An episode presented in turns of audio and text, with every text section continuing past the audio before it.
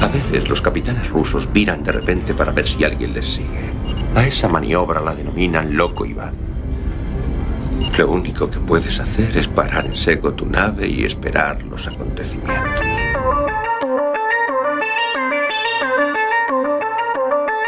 Yamasphere 347 of Space Patrol calling unidentified ship. Good night, Moi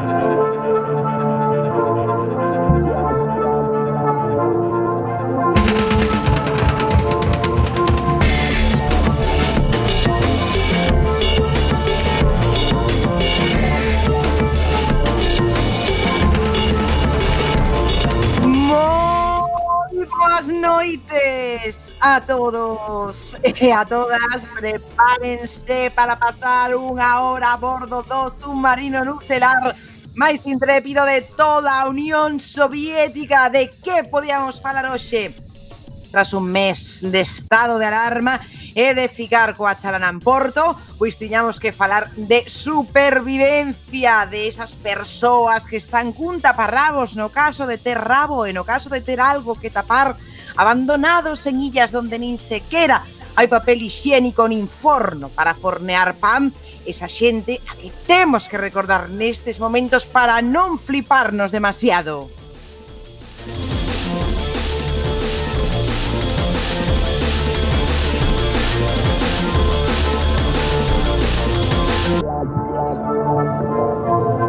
Please stand automated door and wait for the security officer to verify your identity. Before exiting the train, be sure to check your area for personal belongings. E todo isto non sería posible, xa o saben, se non tiveramos o oh señor Bugalov na sala de máquinas. Moi boa noite, se non tibera como sempre a miña esquerda o xefe de torpedos o camarada Lameloz. Boa noite, camarada, aquí estou no batescafo, sen tapa nin rabo. se non tibera a miña outra esquerda dende algunha librería perdida ao noso gran intelectual moderner Otto Baixes Mendrellev Boa noite, capitana, e boa noite a todas. E se non tivera tamén, por suposto, a esa a esa mm, traballadora incansable e a vez maligna, a querida de Oscar. O meu sí que é supervivencia, que sobrevivir a Derezco ten mérito. Ten mérito. Bueno, non ten moito mérito. Saudamos a capitana Esletana Ibarruri. Isto é do Coibán. Comezamos.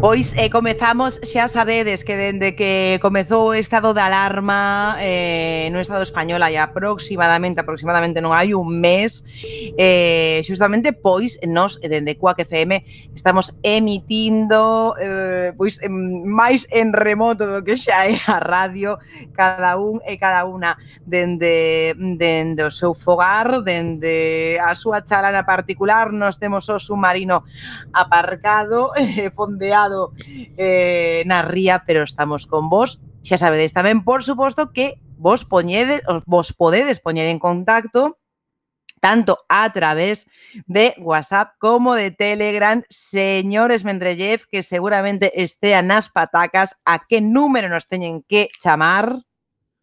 O 644 73 73 03. A ver. 44 73 73 03. Y así podré poner podre, venga a gusto. Efectivamente, eso é algo que hai que, hai que deixar claro para animar a esta xente a que mande as súas mensaxes de, de odio. Eh, porque aquí eh, vos podedes, a través tanto de WhatsApp como de Telegram, deixar todas as vosas fake news, todos os vosos mensaxes de odio, pois podedelos mandar eh, perfectamente eh, a esa dirección, a ese número de teléfono e tamén a dirección eh, en redes sociais, señor Lamelov. Pois si, sí, en Facebook e Twitter, loco Iván Cuac, e tamén lembrade que estamos en Mastodon Social, que só temos un seguidor que somos nós mesmos. pero é o que importa. Bueno, efectivamente, pero eso é como facerse, o sea, como masturbarse en Mastodon eh, pois, eh, pero está ben, eh, eu estou a favor da masturbación sempre que se poida. Eh, falamos de falamos de supervivencia eh, esta noite e antes de comenzar a, a analizar a supervivencia e os supervivintes eh, na tele, no cine, eh, na historia, eh, teño que facervos unha pregunta a tripulación e se algunha vez realmente fuchedes supervivintes de, de algo. Pois eu unha vez case morro en áreas movedizas. Pero en serio. Sí, sí, en serio. pero, hombre, por... porque, a ver...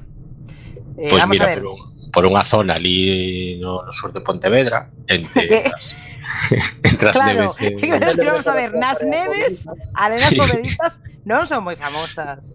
Pois esa era a única que había, collín eu. Resulta que metime por aí por unha especie de lagoas que había que, que estaba bastante ben, eh, había unha monta unha montaña así, e subime resulta que empecé a fundir. Eh, e que aparte tiña un brazo roto, entón non tiña moito xeito de sair. E ao final non sei como fixen, pero conseguín tirar así como a rolos por, por, la, por la montaña esa e conseguín sair todo feito unha merda, claro. E, e crin morrer quiches eh, morrer, porque efectivamente, a donde iría? Quero decir, cando caes, nunha, cando entras nunha arena movediza, a onde saes? A un váter en Australia. Que é o que ocorre? Eh, Nova Zelanda, polo menos, sí. claro. O que pasa que logo, logo polo visto, non podes afundir nunha área movediza polo, pola presión que fai a propia terra, non? Pero eh, eso non o sabía, que era moi novo. Entón, ti queres dicir que eh, Spielberg nos leva enganando con Indiana Jones de os 80? Sí, efectivamente, porque aparte fixeron un, como se chama este programa que facían de, de capturar Mythbusters, ¿no? E fixeron ah, varias oh, pruebas esas. Eso explicaría porque últimamente en las películas, antes que era un cliché que todas las películas de aventuras aparecía por lo menos alguén afundindo en áreas movedizas, especialmente será de Tarzán, e agora xa non se ve iso. Bueno, non sei, na última de na, na última de Indiana Jones, ah, a esta recente, a da, da área 51, sae eu creo, eu quero recordar, eh, tampouco é que fora das miñas películas estar máis atenta. Pero bueno, oye, pois moi ben, pois estive a punto de, de morrer o camarada Lamelo en áreas movedidas, non é nada gracioso, pero bueno, é o nervio, non? De, de pensar que o meu querido camarada é man esquerda podería ter eh, pois afundido e aparecido eh, a súa cabeza nun retrete de Nova Zelanda.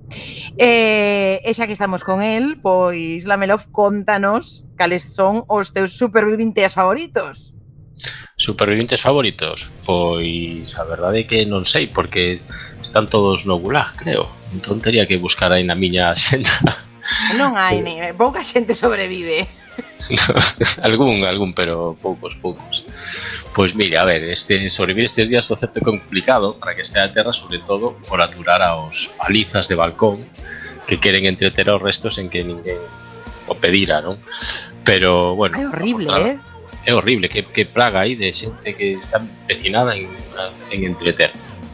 O que- Empecinar a entreter, que como, por favor, márchese. Sí, sí. Déixeme en paz, quero aburrirme, eu sou aquí como aburrimento, non necesito que me, que me, que me entreteña. Bueno, pois pues, afortunadamente nós no submarino non temos que aturalos, iso é unha das ventaxas que temos. Pero, bueno, como sabedes, vou falar de pelis de videoxogos e de supervivencia, se o camarada Bugalov mete o primeiro curo, que ten por aí. Ya llevo 24 horas aquí, atrapado. Estado picando la roca, más que nada para calentarme. Me quedan unos 150 mililitros de agua que deberían mantenerme con vida hasta mañana por la noche, si tengo suerte. Se acabó. Mamá, papá, no os he apreciado como tendría que haberlo hecho. Os quiero y siempre estaré con vosotros. Bueno, pois outra vez falamos falo de Danny Boyle é unha película que se chama 120, 127 horas, que traduciron aquí como 127 horas. Eh, ah, está ben, é unha boa traducción, moi axustada. Boa traducción, sí, sí. Pois eh, hai un ano 2010 e eh, a protagonizou James Franco. Está baseada nun libro autobiográfico que se chama Entre as costas e a parede. James narra Franco nada, nada que ver coa familia Franco, non? Eh, espero que non, espero que non. A ver, por favor, o sea, que decides? será como Frame, Franco, supongo, non sei, pero non é Como se diga James Franco? Por favor, que nos que nos chame alguén que realmente es Mendrellev, e ti que te so que te so first? Di como se pronuncia James Franco. Perdón, que teño. Ah, Ferro. James Franco. Eh, eu teño, teño un fers moi moi latino, capitana, que vai ser vai ser exactamente esa pronunciación. James Franco. Bueno, pues no sé cómo se pronuncia. Franco. Depende de quién lo diga.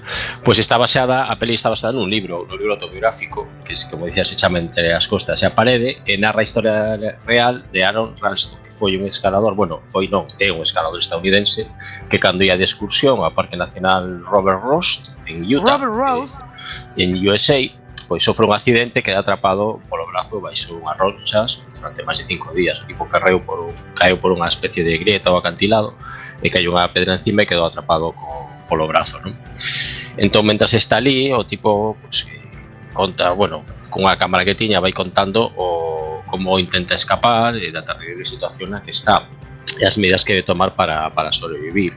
Eh, a película que está baseada digo, nesta historia, pois lembra momentos da súa vida e os pensamentos de Aaron que, bueno, pues alternando, que os alterna cos intentos por liberar o brazo. O máis importante, o máis importante que moitas de nós xa sabemos, pero que hai que contar porque é un detalle de calidade que como se liberou eh, James Franco ou eh, máis ben como se liberou Aaron na, na vida real. Pois primeiro intenta desgastar a rocha, ve que é bastante inútil, entón o tipo pois decide amputarse o brazo E, e, e fíxate como é a cousa, que o tipo tiña unha ferramenta aí que era destas multiusos, pero que para cortar un brazo pois igual non era non era Claro. caída, non? Non tiña pois, un machete nin unha serra de calar. El, entón, pois, eh, bueno, pois conta eh, precisamente como, como comeza a facela máis con bastante detalle, non? É verdade que é bastante agobiante, porque, bueno, hai que imaginarse, non? Estar en esa situación, entón tens que lexir eh, Agobiante, cortarse un brazo cun cortapluma. No. Sí, ten, eu penso que sí, que debe ser un pouco desagradable, sobre todo, pero bueno, tens que tomar a decisión se palmar ou perder o brazo. E, ou igual as dúas cousas, porque tampouco tes a certeza de que cortando o brazo podas, podas sair, non? Eu palmaba con brazo, eh? Uf, eu probablemente tamén, a verdade é que non sei que farías. Esta pero vaya, pero que merda de tripulación, o sea, eu penso que vos, o sea, eu non, porque seguramente, pues, eh, podería mover a pedra con mi forza hercúlea, a cabeza. claro, pero no voso caso, joder, teníades que facer iso porque estades preparados. Eso digo cede porque non lle viu nunca o muñón a Birnaren. Bueno, a miña preparación basicamente é en non meterme en líos desos, vale? Que eu iría por unha, por unha pista asfaltada por Siberia. Non me metería nunha montaña por aí para que non hai nada, verdad? Bueno, o, a historia que o, o talaron seguiu escalando e facendo deporte de risco. O que pasa que agora, bueno, pois anota ben deixando claro por onde vai a ir, porque unha das cousas que conta na peli é que o tipo non dixera a ninguén onde ia estar. Entón xa sabía que non ian rescatar, non? Claro, isto é moi importante. Sí, Isto querido. Pasa moitas veces. Que, querido, non o falades en querido, casa. que- queridos supervivintes, eh, isto é importante. Ti cando vas a un sitio e que dicir, eu vou a este sitio. Claro, Eh, tes aí, por exemplo, caer, Isto é importante, porque porque mm, eh, o camarada Bugalov, o, o, eh, o noso xefe de radio, é un avezado eh, senderista. Non, non, chega a, non chega a ser intrépido, pero é bastante avezado. Entón, por favor, eh, Bugalov, eu te pediría que nos contaras eh, joder, se, se algunha vez alguén se perdeu nunha das túas excursións eh, leonesas. Pois sí, sí, algunha vez, algunha vez, unha vez en concreto. Sí, un compañeiro decidiu que era boa idea seguir a xente que levaba cascos e cordas. Cando bueno. non levaba nada diso. Eh, bueno. Bo, claro, boa idea, boa idea. Digamos que entre entre as mellores ideas non está entre entre os primeiros 3 millóns, o sea, esa. Pero, joder, claro, pero mellor ese home, quero dicir, igual era peor eh, quedar, non sei, non sei que, que pasou ali. Pois que se perdeu e, eh, e eh, que cando nos encontrou estaba como moi lonxe, moi alto. E, eh, bueno, hubo que... Bueno, se xogou un pouco a vida, nada máis, unha cousa así. Total paña, ademais. Sí, sí.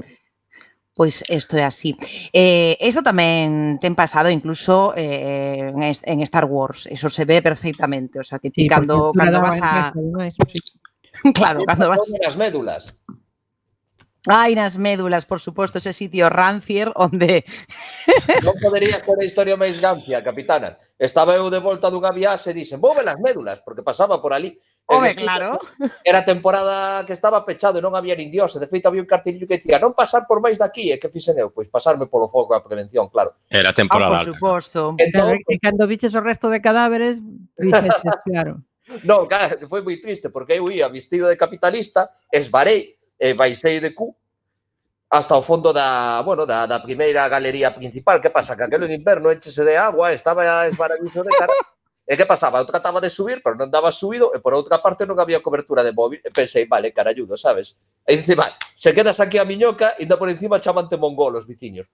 As veces a vida ten estas cousas. E como, como, como conseguiches sair? Como poide.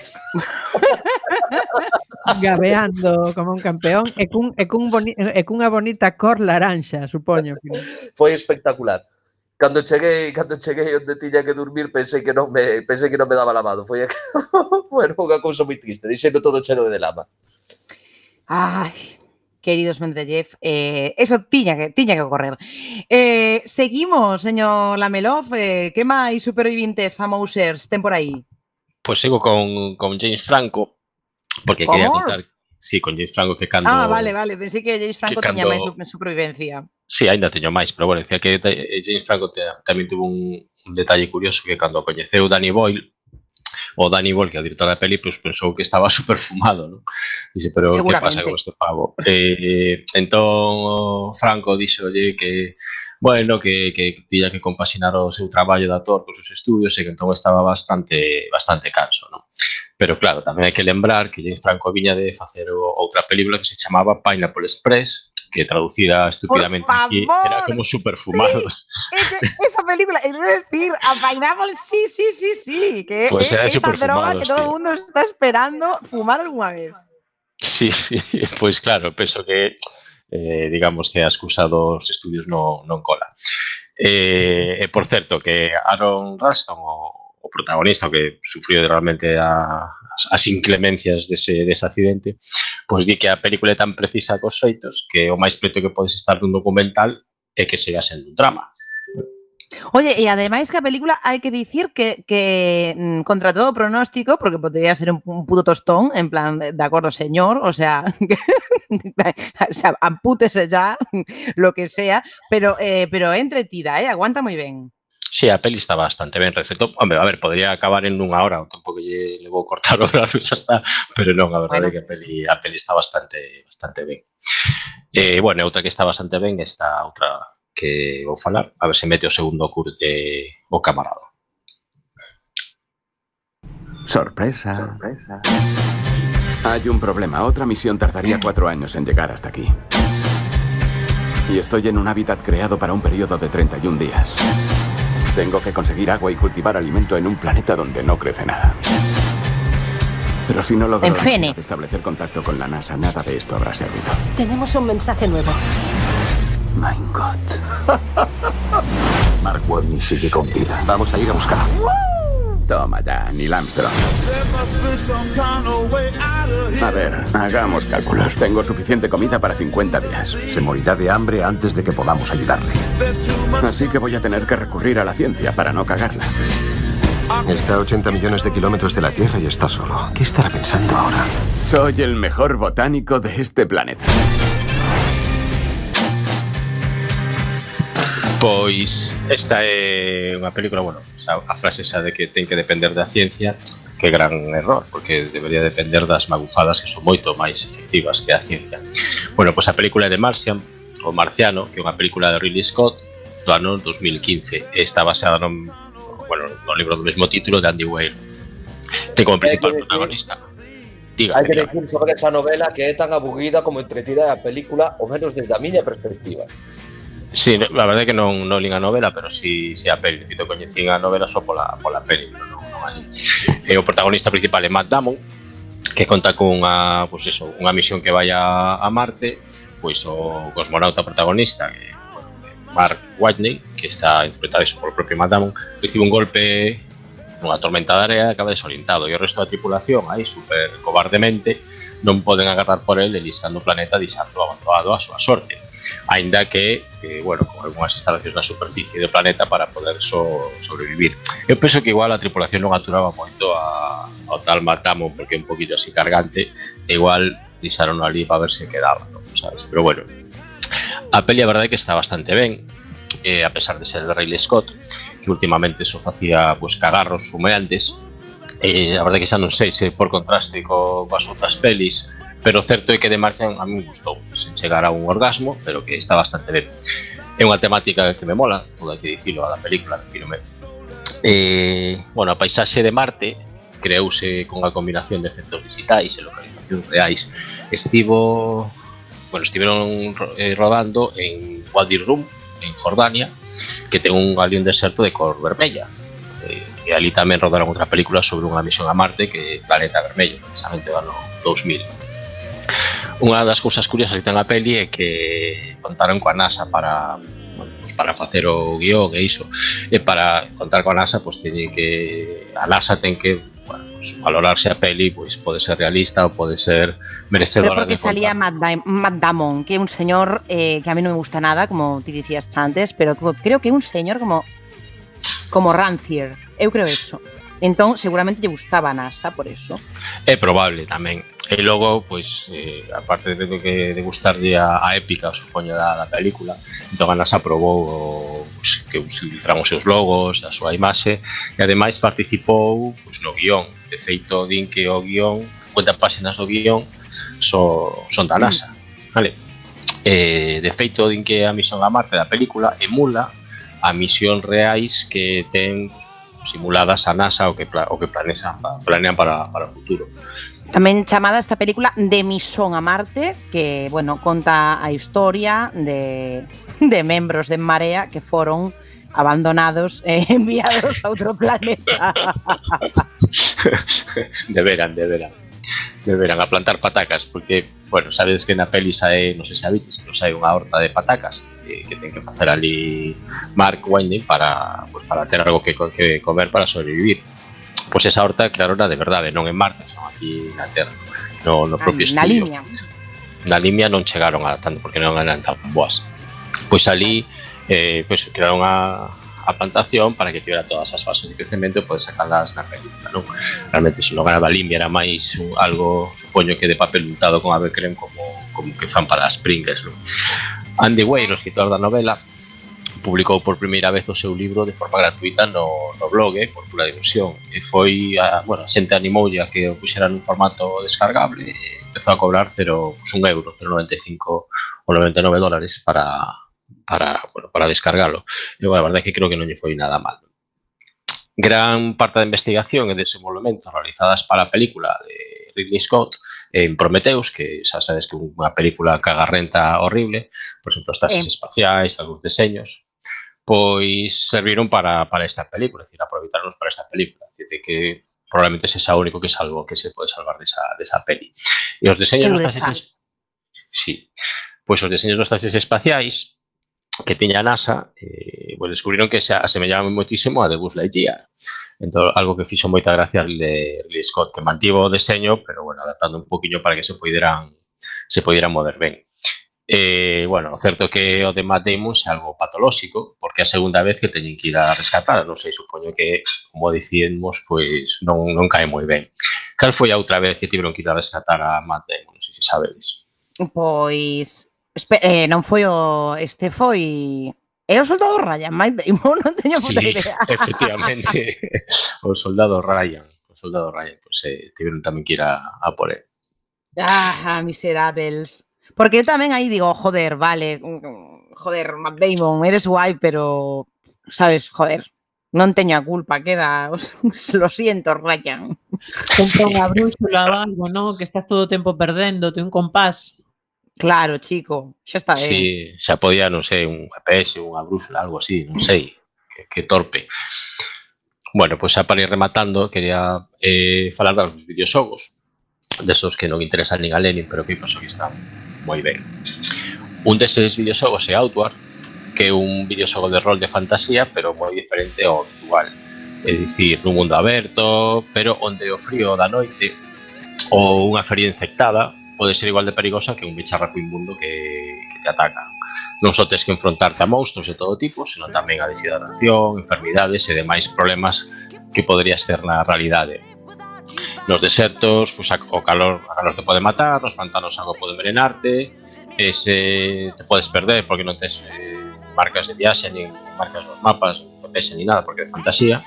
Así que cada excursión que fas eh, tes que preparala ben, porque se non podes salir, podes palmar por calquera, por calquera razón. Desenvolveu no Night Dot Studio e podes atopalo pues, en GOG ou Steam. E outro semellante que creo que coido que é aínda máis difícil é o Kenzi, eh, que é tamén videoxogo de rol de fantasía eh, desenvolvido por Low, Low Fi Games, o sea, baixa ciencia ficción eh, juegos eh, bueno, o particular que ten é que o protagonista non é ninguén é dicir, unha pintrafilla, unha zurraspa un cagarro na alpargata olvidada de Brian unha verruga ao sol ou un membro de Marea que non lle importa a ninguén e ademais tendo que sobrevivir nun mundo hostil onde calquera... Lonxe do Parlamento. Lonxe do Parlamento, onde calquera cousa te pode matar, como se for ah, en Australia. Unha zanfuña. Eso te pode morir dun zanfoñazo. E tamén no mundo aberto, onde historia desenvolves ti mesmo coas túas accións, e como dicía, comenzas sendo nada e sen nada. e Terás que buscarte a vida para progresar. O máis complicado é precisamente iso, poder avanzar no xogo, superando pues, todas as dificultades que tes, pode ser calquera cousa, ladrón, comerciante ou señor de guerra, pero partindo de que non tes nada, comenzas sen nada. Podes até ser un escravo, se queres. E para sobrevivir, pois eso, terás que ter recursos, construir cousas, tecer alianzas, construir fortalezas, negociar para que non te mate, e todo o que se che ocorre. Tamén iso está en GeoG ou Steam, tanto para Linux como Windows, é para min un dos videoxogos de rol máis recomendables dos últimos dos últimos anos. Dos últimos 50 anos. Dos últimos 5 meses. Bueno, está ben. Pois, eh, oye, seguimos, pero como estamos así, vexo, moi animadas eh, con a música de fondo, eu creo que hai que ir a... Deberíamos ir á sala de radio. Vale é unha pregunta. vale, vale, imos a sala de radio. Vale, por que non vamos a sala de radio? Que non, o que vostede mante, capitana. Pois así está.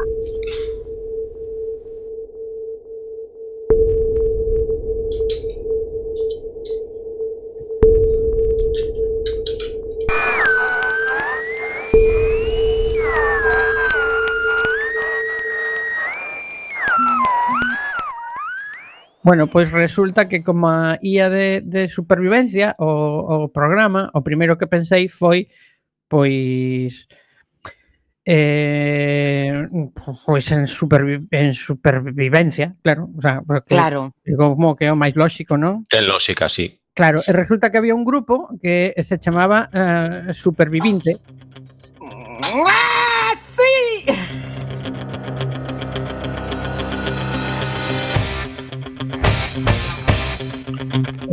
Nos lembramos todo?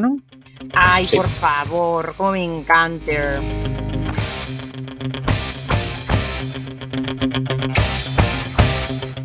Pero hai un problema.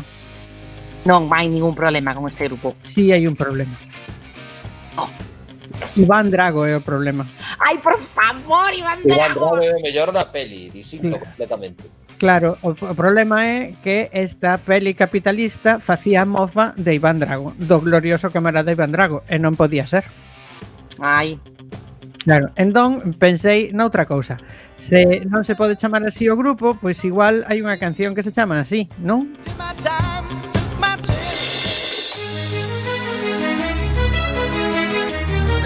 Oh, por favor, por favor.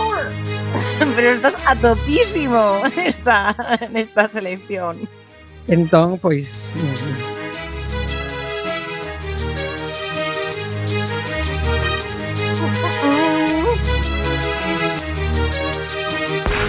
Now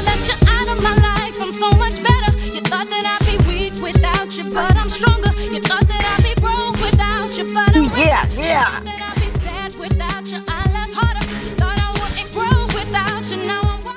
Pero hai un problema. Pero tampouco pode haber ningún problema onde este vídeo. Hai, hai un problema que, claro, as Destiny's Child se separaron e me dá moita mágoa. Joder, entón, pero... entón como non como, como me daba mágoa eu dixen pois nada pois outra algo así máis da casa que ademais sei que vai vai molar a capitana a ver a ver a ver porque mm, Survivor é difícil superalo no meu corazón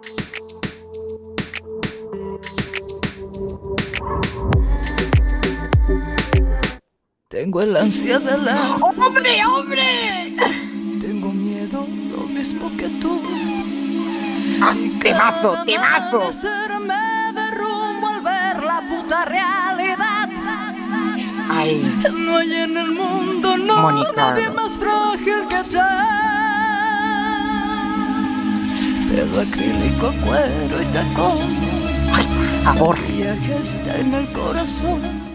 E con isto xa non me atrevo a ter un problema porque senón tería un problema, non sei se me explico. Home, é que este temazo, o sea, pode ser o mellor temazo da historia da música Spanish dende Tino Casal, eu creo.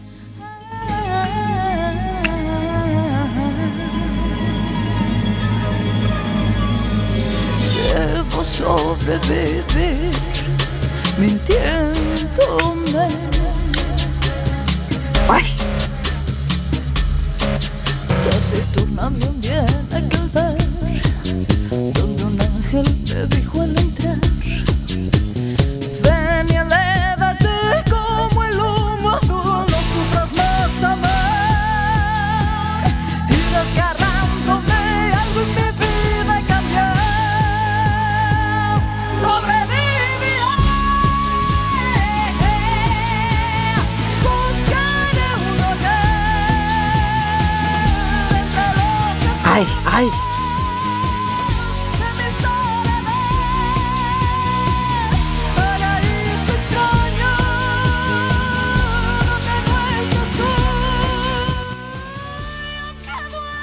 quiero libertad. Ay, bueno. Está dicindo Beosca que no primeiro estribillo cortamos. Aquí debemos cortar, Beosca? Aquí, perfectamente. Aquí. é que eu eh, vexo as, as mensaxes que me, que me envía Beos que eu cun, cun hilo de tanza, entón mm, a veces non, non teño totalmente, non as capto totalmente ben. Eh, eh joder, pero Bugalov, pois se me puxeches, eh, vamos, as miñas divas favoriters, ademais de Survivor co, co, co gran Jimmy Jamison. Entón eu, vamos, Eu non, creo que non ten nada que ver con que podas ser que tal vez pida un aumento. Non, non ten nada que ver. Bueno, a ver, porque ti sabes que esta esta crise do COVID pois tamén é COVID de COVIDer. entón, eh, será tamén moi usada para eh, precarizar un pouco máis determinadas condicións salariais como as que entendes no submarino, porque eu non me vou a coller a ERTE de forza maior, senón que eu directamente pois xa, eh, vamos, o sea, directamente non vos pagarei. Eh, pero joder, non vos pagarei, pero os, os, os, os respetarei máis se cabe do que xa fago. Eh, brr, es Mendrellev, onde está, por favor? Aquí ando, capitana, sempre disposto a servir a miña xefa. Efectivamente, perfecta, perfecta resposta. Falamos de supervivientes, vostede em, sobreviviu as médulas mm, sobreviviu ás tartas de contesa, eh, sobreviviu a postres banana split. Eh, e polo menos a un bocadillo Elvis. A un bocadillo Elvis, efectivamente. Entón, eh, contenos. Contenos a, os seus sobrevivintes ou supervivintes favoritos. Supoño que na literatura me dá Non, neste ah, caso no? imos facer unha pequena, tamén na literatura, que é o meu favorito, pero unha pequena excepción, pero para iso prefe, preciso a primeira curte que nos vai poñer a o primeira curte. Unha japa.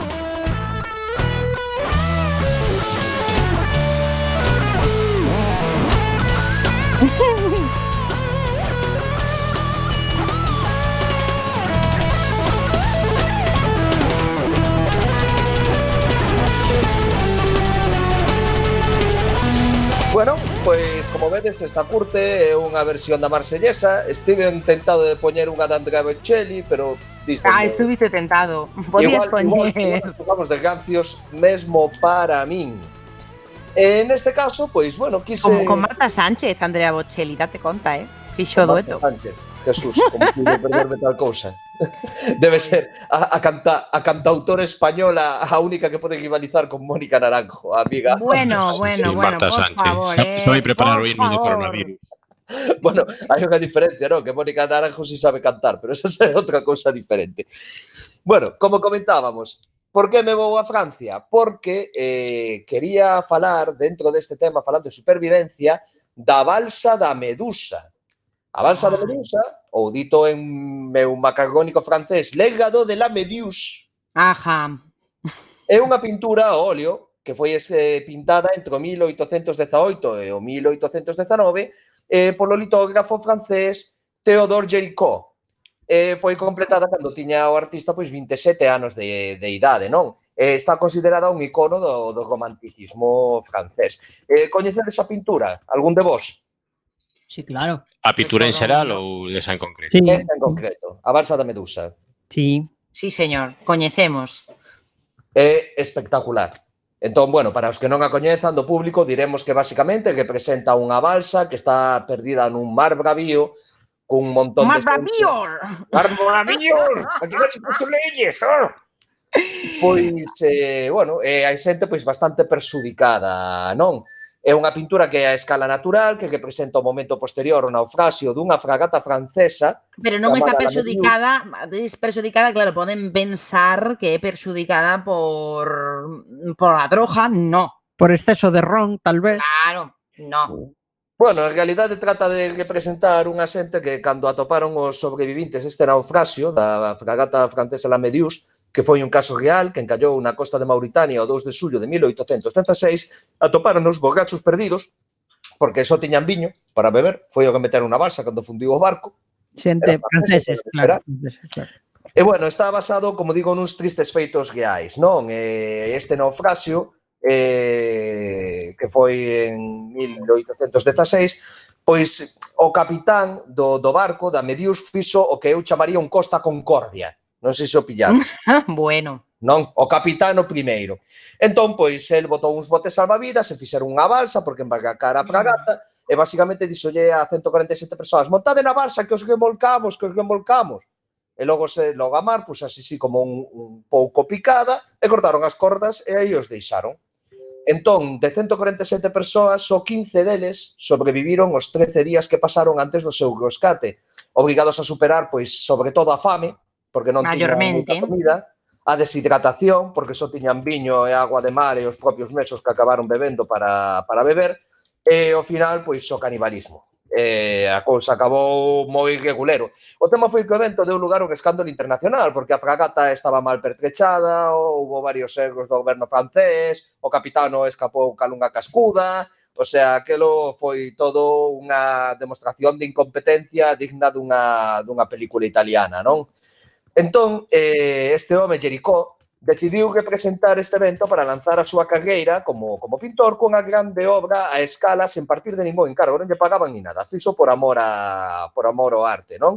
Para xerar unha sorte de, de interese público. O evento fascinalla, fascinaba a este home, hasta tal punto que fixo unha investigación que groza un pouco o morboso, non? O caso que o Miño recentemente se vira forzado a rematar unha relación amorosa coa súa tía, o normal, se ve obrigado. Sí. Entón, mm. deulle, eh, basicamente, deulle cabazas, e eh, a xente, claro, que o da tía, pois, pues, pareceulle mal os veciños eh, estas cousas, non? Entón, o fulaniño... Ah, o se se quieren, que se quieran, como sea, como sea.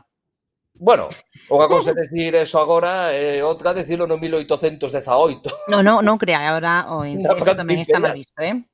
Igual aquela está mellor visto que agora. Eh? Bueno, tam, bueno, a ver, a ver, a ver. Seres Borbón.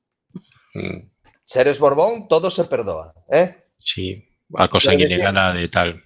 Pero eso, a ver, a realeza europea sempre foi especial, é algo así como os cans de pedigrí que mostran a súa nobleza no seu aspecto. Por exemplo, no caso dos Pug, eh? ou dos pequineses, pois, pues, bueno, eso. Non empeces, non vais por aí. sangue. Como íbamos dicindo, pois o home este pois meteuse como medio a monse no seu estudio a traballar e fichou un mozo de nome Alexis Llamar, que bueno, parece ser que tiña un corpo hercúleo e, ah. e e, bueno, que era un capaz moi ben feito. E diredes, esto a que carallo ven? Claro. Pois ben que Alexis Llamar foi un dos principais modelos que utilizou o pintor para que presentar toda a xente que iba na balsa, non? Esta xente eh, do romanticismo francés gustáballe moito pintar corpos. O tipo tiña unha arte gustaba moito de pintar corpos. Imitativo, con Miguel Anso, bueno, gustáballe a eles, a mí gustaría se soubese pintar tamén, non? O que pasa que eu se pinto algo, pois eh, Podo ah. pintar cos dedos que me enseñaron na época escolar, pero, pero pouco máis. O caso que este home meteuse moito no papel, vale? Entrevistou a tres dos superviventes, construiu unha maqueta a escala con gran detalle da balsa, e de feito Jericó, disposto a captar a escena de xito realista, decidiu levar algún morto para a súa casa, non? Entón, coa axuda dun, dun amigo médico, conseguiu unhas extremidades aí da morgue, cortou unhas, levou unhas para o taller, construiu unha verdadeira réplica da balsa coa súda dos tres supervivintes que eran Alexandre Correar, un enxeñeiro, o cirusano Jean-Baptiste Sabini e un carpinteiro chamado Lavillet, e ali pois embalou os trozos de carne, din que aqueles días, pois claro, o taller cheiraba da hostia, de feito o axudante Jamar marchou e dixo que che dea, sabes, eu non soporto máis isto, e custoulle convencelo de, de volver a rematar a, a obra. De feito, incluso máis interesante que a pintura, que recomendo a todos, todos eh, os ointes que a busquen, a balsa da Medusa é maravillosa, os son os bosquesos, que son auténticos retratos gore da época que impresionan mesmo na nosa época que estamos un pouco afeitos a todos, sobre todo os que nos gustan as pelis así medio gores, non, capitán? Pero... Oye, a mí porque me, porque me señaler. Eh, eu creo que tamén aquí tamén hai unha cousa eh, que creo que, que moi import, a ver, moi importante, quero dicir que, que realmente eh, joder, eh, eh, eh, é unha escena de, de un suceso que era moi impactante, que, que ademais mm, era moi denunciable e que, e que aconteceu pois moi moi cercano no tempo, non, a, a, a obra. Non sei, sempre, sí, sempre sí, foi así, me chamou a atención por, por ese tema. O sea, es porque ten algo de ten algo casi de, de, de fotoxornalismo, non? En, en, en É o que iba a decir, é un traballo, prácticamente o que el fixo foi un traballo periodístico. Fixo un monográfico mogollón de bosquesos, un traballo de investigación pois da hostia, e logo que flexou no nesa pintura que foi moi turbadora. De feito, el non se atreveu a presentala con ese título. Chamoulle naufragio no mar ou unha cousa así polo estilo. Que pasa que, claro, como todo Dios lera as noticias e sabían de que iba a movida, que pasara dous anos antes, nada máis que dous anos antes, pois tuvo unha polémica que case o botan do gremio de, de artistas e, e dibujeros. Pasou no mal debido a eso pero ao mesmo tempo, pois como soe pasar cas obras polémicas, catapultou a este home a fama. Hai que ter en conta aparte outro detalle. Ademais, neste tema, claro, e tamén ten eh, joder, para min tamén eh, chamativo nesa época o feito de, de que joder, o que vai diante sea, sea negro, sea un, un home negro. Pois tal cual, capitana, porque ese home africano coincide bueno, africano negro, que pode ser negro e francés, que en Francia, de feito, Murat... Atención, era... por favor. Bueno, pero igual saíron tamén de África, non? En algún momento salimos todos de África. De feito, en algún bueno, momento... Pero os franceses todos... saíron de África polas colonias que tienen. todos fomos...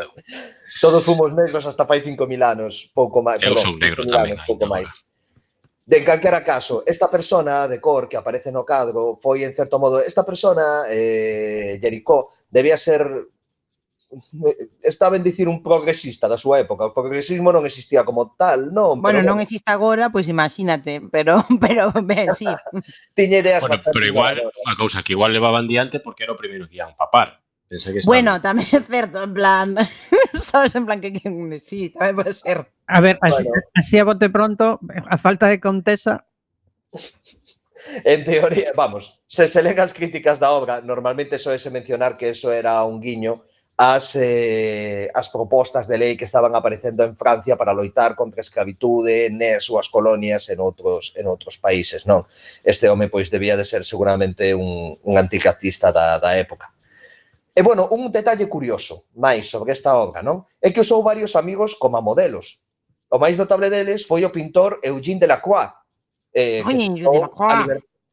a liberdade guiando o povo. A mítica, uh -huh. a mítica da bandeira francesa co neno das pistolas eh, que vai ensinando un peito, sabedes? Sí, sí. Mitiquísimo cadro. Pois eh, fixo de modelo para el, para a figura no primeiro plano, eh, un defunto que mira cara baixo cun brazo extendido. Eh, de feito, poucos anos máis tarde, foi o mismo de quen que retrataría a Jericó como un dos mortos na súa obra A barca de Dante porque eran así estes pintores, pois gustaba de pintarse uns a outros mortos chama atención eh, Pois bueno, a amistade que tiñan estes dous, pero sobre todo que de la Cua quedou moi marcado por esta obra. De feito, el mesmo conta que era moi celoso da, da súa obra, Jericó, pero que nun momento deixoulle ver os bocetos e o que tiña o que tiña a medio pintar no lenzo, que é monumental, é de case 7 metros de ancho por 4 de alto, é, é a tamaño a tamaño natural, está no Louvre. E, bueno, pois que quedou tan impactado que foi correndo a chorar hasta o seu cuarto, palabras literais de, de Delacroix, que, bueno, serán máis ou menos certas ou peloteo colega, pero que aí quedaron escritas. Eh, pode bueno. ser, pode ser. Pois eu eso, porque non sufro de celos. Eu ciúmes non teño, pero porque tampouco vexo a nadie que, que faga algo superior a, ao meu traballo como capitana, claro. E bueno, se metemos a segunda Que pasa? What do you do next? a ver se alguén reconoce esta curta dunha película.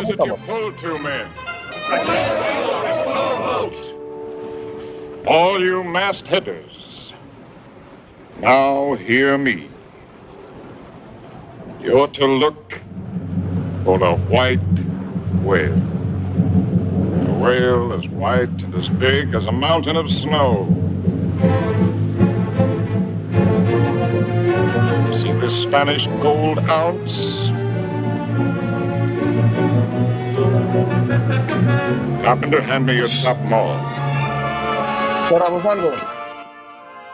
Ni idea. Bueno, está falando dunha balea branca como a neve. Falamos de Moby Dick, a película estadounidense de 1956 dirigida por John Huston, protagonizada por Gregory Gregory Peck. Peck, claro que sí. Gregory Peck, por de Tamén supergancias, aos o sei, capitana. este. é que estaba baseada na novela de Moby Dick. Hai que decir que o guión desta gran película foi escrita polo meu sempre admirado, respetado Guy Bradbury, o mítico escritor de, de Crónicas Marcianas e Fahrenheit 451, e tamén por John Houston, e que foi rodado en Gran Canaria, en Madeira, onde os propios baleiros das illas pois axudaron a, a facer este traballo. Non? Hai que dicir tamén que está basado nun naufragio real, o naufragio do baleiro Exes, que foi o, causado por unha embestida feita por un cachalote enfurecido a principios do 19 eh, no medio do Pacífico. O cetáceo, que debía medir uns 26 metros, golpeou dúas veces a embarcación e afundiu. E houve 21 homes, que eran a tripulación, que embarcaron en tres botes, e solamente tiñan 100 kilos de galletas mariñeiras destas, como as da SEPA. E 65... Ui, as galletas mariñeiras, esas están... Eh... Teño que facer este apunte. Eh, está moi ben esa empresa porque creo que non está facendo ningún ningún tipo de ERTE neste neste momento e ademais está aumentando a súa produción porque a xente vai comprar as galletas mariñeiras. E da por riba que están boísimas. Están, están boísimas. Galletas, é verdade. Eh? Conste que a min, e fa, desde o meu punto de vista de consumidor, pareceme que para ser pan tostado chegalle de carallo, que xa cobran no súper. Pero está bueno, moi, bueno. Muy, pero están ricas. Está moi ricas, moi está moi ricas. Volvemos a movil. Por certo, eh, señores Mendrellev, eu recordo, recordo, recordo, eh, pois non recordo se foi eh, no, no país, hai un tempo, non sei quen o escribía, estaba facendo unha reportaxe sobre libros mitificados, eh, eh, libros mitificados por non ser tan vos como, uy, como uy, recordamos. Le van tocar a Mébil. Ui, ui, ui. E, eh, efectivamente, no, é que aparte o recordo porque chamoume a atención, porque, porque eu eh, non a recordo, non recordo que, que Moby Dick fora unha novela aburrida, si sí, o mellor con, con moita información xunta mm, máis alado máis alado fío conductor, non? Pero pero si sí recordo eh, que non non podo acordar agora quen era o, o xornalista, pero que que poñía un pouco a parir a, a novela de Moby Dick e como sei que a vostede lle gusta moito, pois quería saber a súa opinión.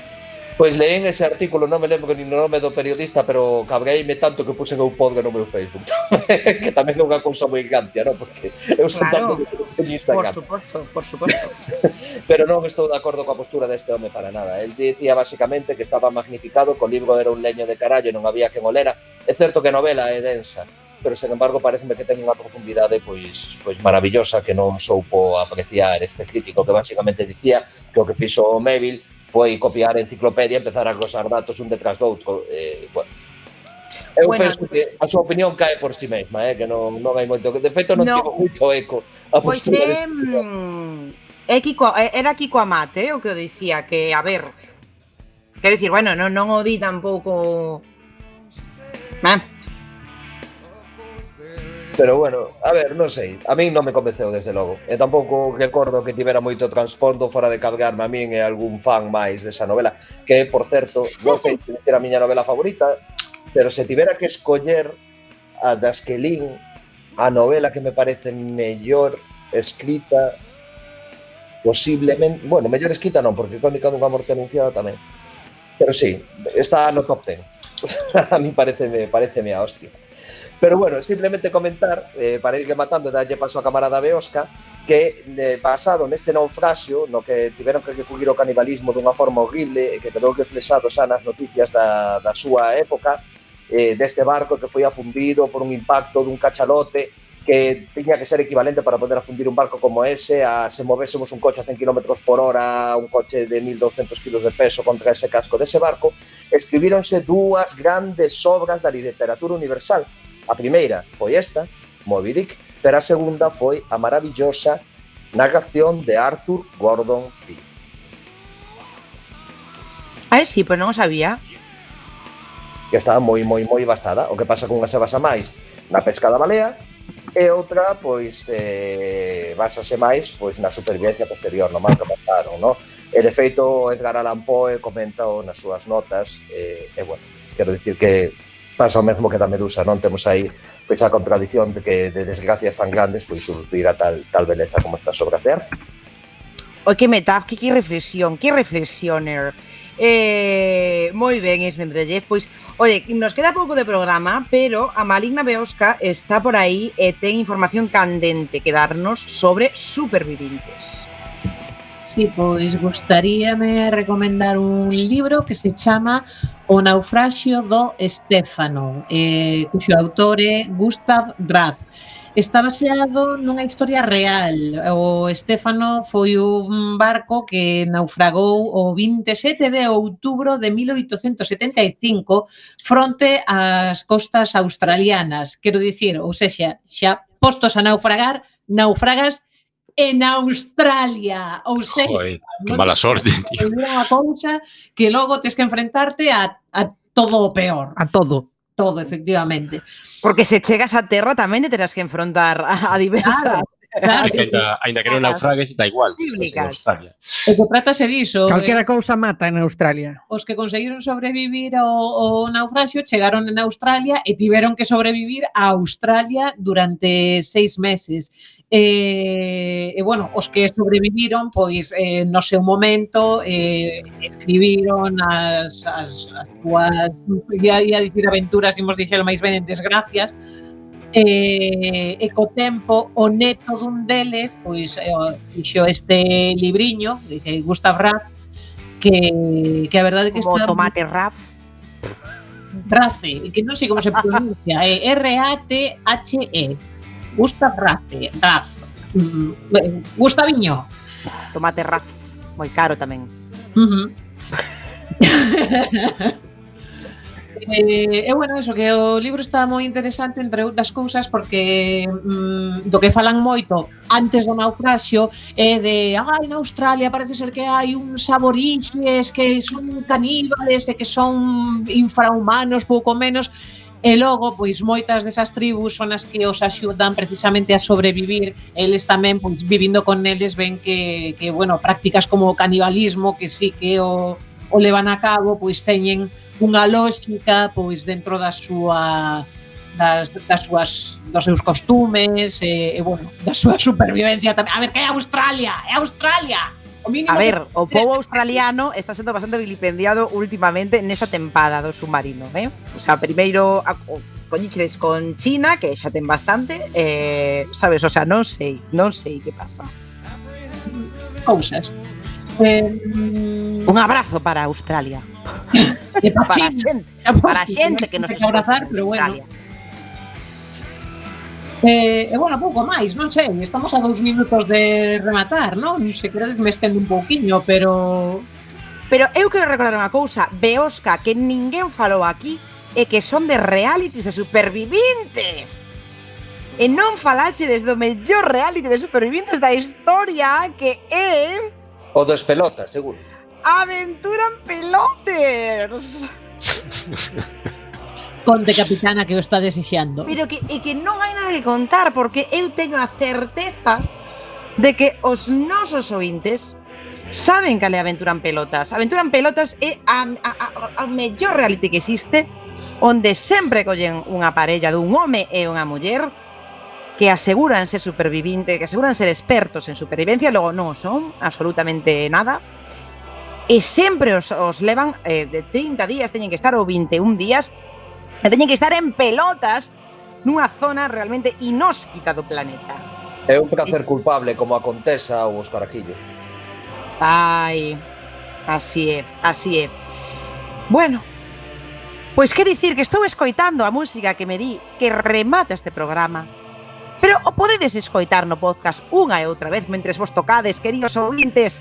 E xa sabedes que a semana que ven volveremos e volveremos máis gloriosos, sempre confinados, polo menos ata a semana que ven. E, por suposto, os queremos moito, beban vodka con moderación, sexan moi felices.